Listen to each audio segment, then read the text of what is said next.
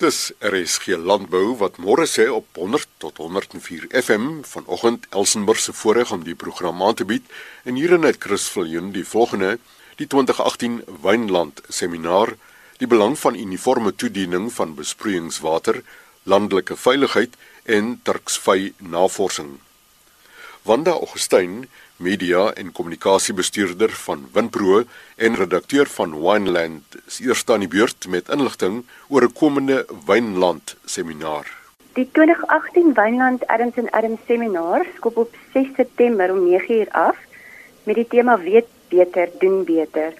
Chris ons wil vanjaar gesels oor Suid-Afrikaanse besighede en hoe hulle kan aanpas deur hierdie tema, veral waar dit ons mense in wingerd aangaan. Um, ons skop af met Penny Streeter, sy is eienaar van Benguela Golf nog Hermanus wat met ons 'n paar lesse in besigheid gaan deel. Waarna Andre Scherer, die hoofuitvoerende beampte van Cape Classics, gaan gesels oor wat verbruikers in die Amerikaanse mark en veral die buitelandse mark wil hê. Hierna gaan ons praat met die manne van Hermanus, die Wine Village eienaar Paul de Toey en die inhuis sommelier Jaco Sadi oor die verbruiker in die plaaslike mark En daarna gaan ons 'n bietjie kyk na swart ekonomiese bemagtiging en hoekom dit sin maak. Hier gesels Ilse Ratzer, die bestuurende direkteur van Kompanjie Strif, oor die mensekant van die saak en die invloed van SCB op elkeen se lewe en die maatskappy self. Waarna Hannes Meiburg 'n bietjie met ons gaan gesels. Hannes is die agste geslag Meiburg op Meerlus en hy gaan 'n bietjie met ons gesels oor die kommersiële kant van swart ekonomiese bemagtiging en hoekom dit vir hulle werk. Steven Yates, ons borgspreker en 'n uiters suksesvolle prokureur wat spesialiseer in handelsmerke en alle wetlike implikasies daar rondom, gaan ons vanjaar weer inlig rondom die warm onderwerpe rondom wyn en wetgewing. Soos ek voorheen gesê die seminaar vind plaas op 6 September om 9uur en dit uh, vind plaas by Alley Blood is net buite Franschhoek. Ons kaartjies is nou beskikbaar, so almal wat belangstel kan kaartjies koop teen R600 en jy kan dit direk van ons webtuiste by ons aanlyn winkel koop. Ons webtuiste se webblad is www.wineland.co.za. Wanda Augustyn, media en kommunikasiebestuurder van Winpro, ook redakteur van Wineland. Die webadres www.wineland.co.za. Die belang van uniforme toediening van besproeiingswater. Nou hieroor verneem ons by Fanny Foster van die besproeiingsdivisie by LNR Instituut vir Landbou Ingenieurswese. Die optimale aanwending van die beskikbare hulpbronne is aktiwiteit wat in enige tipe boerdery van kardinale belang is. Dit het gewoonlik 'n bepalende invloed op lopende kostes, gewasopbrengs en daardeur op die winsgewendheid. Suid-Afrika is 'n waterarm land. So 62% van die land se opgegaarde jaarlikse afloop word vir besproeiing gebruik. Die beskikbare hoeveelheid water is egter onder druk as gevolg van toenemende aansprake daarop deur ander sektore van die ekonomie, asook as gevolg van die probleme met waterkwaliteit in verskeie opvanggebiede. Dit is dus belangrik dat die besproeiingsstelsel die korrekte hoeveelheid water so uniform moontlik toedien. Oorbesproeiing en waterverliese tydens besproeiing moet tot 'n absolute minimum beperk word. 'n Boer kan dit verseker deur gereeld die volgende basiese metings en inspeksies uit te voer en dan die nodige regstellings te maak. Drukmeting. 'n Besproeiingsstelsel is ontwerp om teen 'n spesifieke werksdruk optimaal te kan funksioneer betreffende watertoediening en waterverspreiding. Daarom moet die werksdruk by die volgende posisies in die stelsel gekontroleer word. Dit is net na die pomp voor en na die filterbank by mikroondruppelsproeiing by elke hidrant stel die druk by die hidrant sodat die emitters teen die voorgeskrewe druk werk. Meting van die tydopening grootte by sprinkelaars vervang tye waarvan die opening meer as 5% groter as die ontwerpspesifikasies is. Meting van die totale watervloei deur die stelsel met 'n vloeimeter dit moet gekorreleer word met die verlangde watertoediening op die spesifieke oppervlakte. Meting van die lewering van druppers en mikrospuite vergelyk die resultate met die ontwerplewering.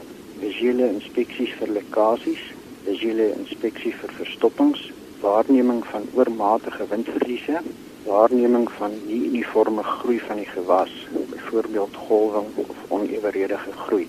Dit word ook aanbeveel dat die besproeiingsstelsel elke 3 jaar deur kundiges geëvalueer word. Die resultate van so 'n evaluasie behoort die boer te help om insetkoste te verlaag, opbrengs en wins te verhoog en sy hulpbronne te bewaar. Fanny Foster van LNR Instituut vir Landbou en Ingenieurswese se besproeiingsdivisie, sy e-pos forster@vorsters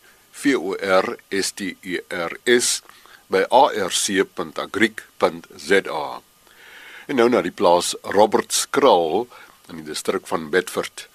Alfonso van die Kerk is Agri Ooskaap bestuurslid verantwoordelik vir landelike veiligheid en hy gee terugvoer van 'n beraad in Pretoria oor plaasmoorde, aanvalle en veediefstal. Die doel van die beraad was duidelik gestel deur meneer Malangana. Hy het dit van die begin af duidelik gemaak dat die toekoms van landbou in Suid-Afrika die besprekingspunt sal wees by die beraad. Die regering kan nie in sy doelstelling slaag om die land te ontwikkel sonder die private sektor se investering nie.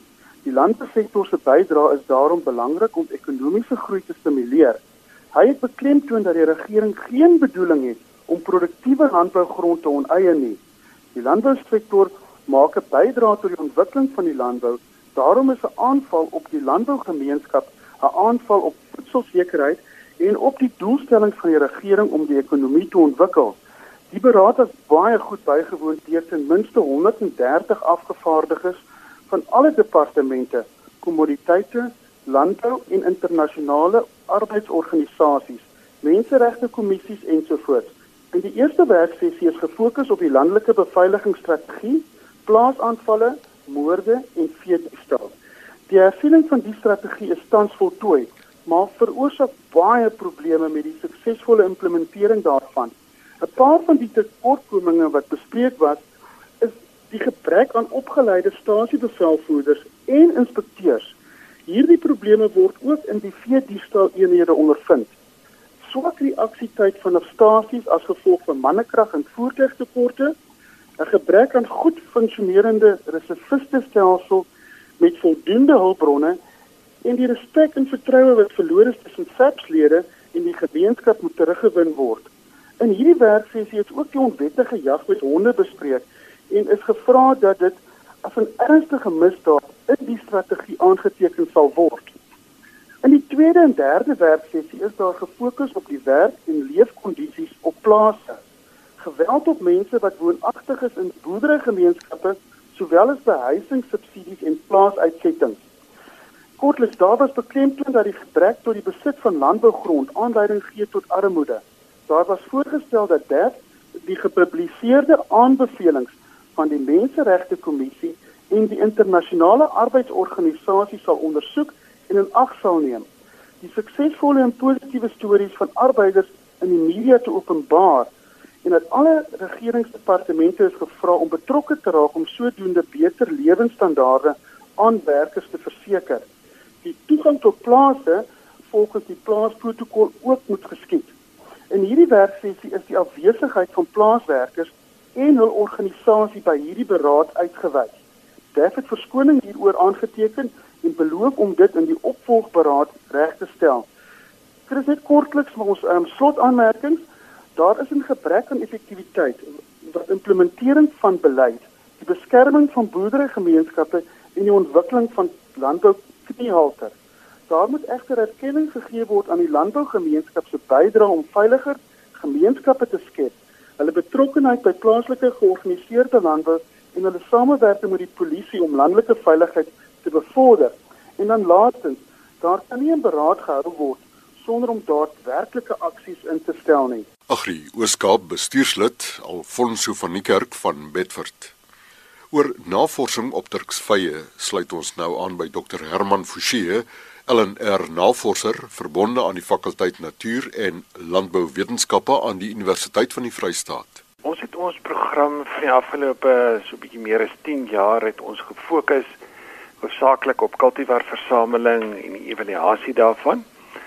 En die gevolg was dat ons met behulp van seleksie dit moontlik was om die opbrengspotensiaal van hierdie gewas vir die verskillende kultivars uh, so ongeveer te verdubbel.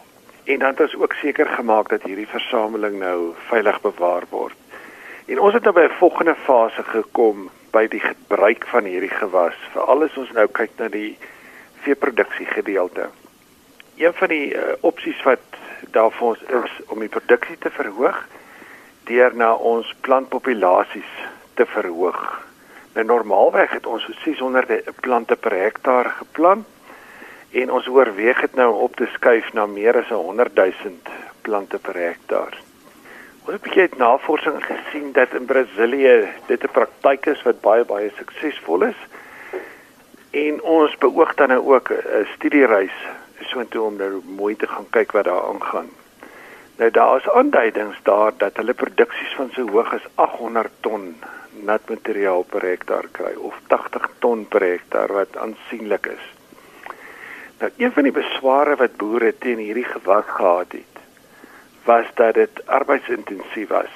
Blaaie moes gesnoei word, aangery word, verwerk word. En ons ondersoek nou ook die moontlikheid om jong truksvyplante wat so ongeveer 2 jaar oud is, intensief te bewy op 'n wisselweidingstelsel. Nou bewyding van truksvye was iets wat ons glad nie aanbeveel het nie. Maar dit word daar suksesvol gedoen.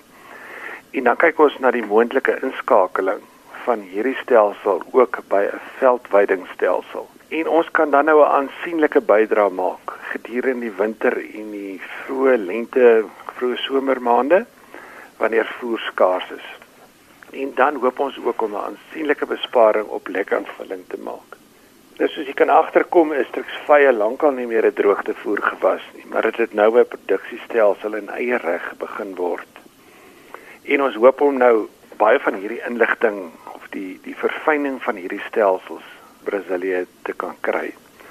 Intussen tyd is Dr. Marina de Wit besig met produkontwikkeling van die vrugte en die blaaie wat op sigself winnende ontwikkeling is en aansienlike ware toevoeging tot gevolg het.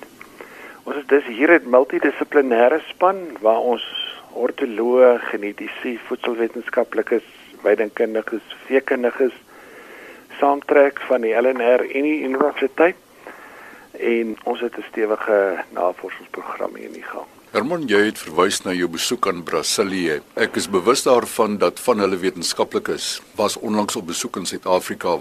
Een van die aspekte wat 'n mens nie noodwendig altyd in aanmerking neem nie, is dat 'n groot dele van Brasilië soortgelyk is aan Suid-Afrika wat maar van tyd tot tyd aan droogtes onderhewig was en hulle het kom kyk na 'n stelsel van droogtebestuur. En dit is hoe ons aan die met mekaar in verbinding gekom het. Uit hulle besoek hierso en gesprekke is daar toe nou besluit op nouer samewerking en dit het toe gevolg uh, op 'n uitnodiging dat hulle my toe nou so toe oorgenooi het. Tuksvye is 'n integrale deel van hulle produksiestelsels selfs in die melkindustrie gebruik hulle dit baie baie intensief. Ongeveer 70% van die energiebehoeftes van so 'n melkkudde kom uit truksvye uit. En uh met die gevolg is hulle het al redelik ver gevorder met die inskakeling van truksvye in in verskeie diereproduksiestelsels. En word beide die blaaie en die vrugte van die truksvyboom benut? Nee, in die diereproduksiestelsels fokus hulle hoofsaaklik op kultivars wat nie noodwendig hoë vrugproduksies is nie. Hulle benut ook die die bome met deur die jaar wat die gevolg is dat daar nie regtig vrugte vorm nie.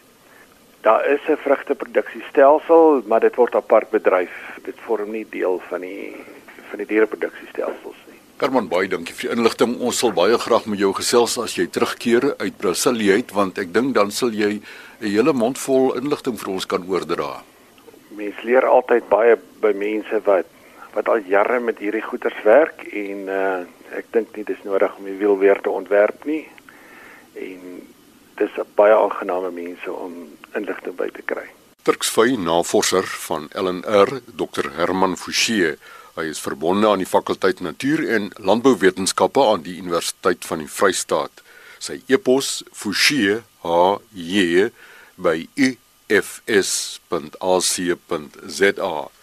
Dan 'n aanlyn beroepsportaal AgriJob kom onder die soeklig môreoggend om kwart voor 12 in RSG Landbou. En daarmee groete vanaf Elsenburg.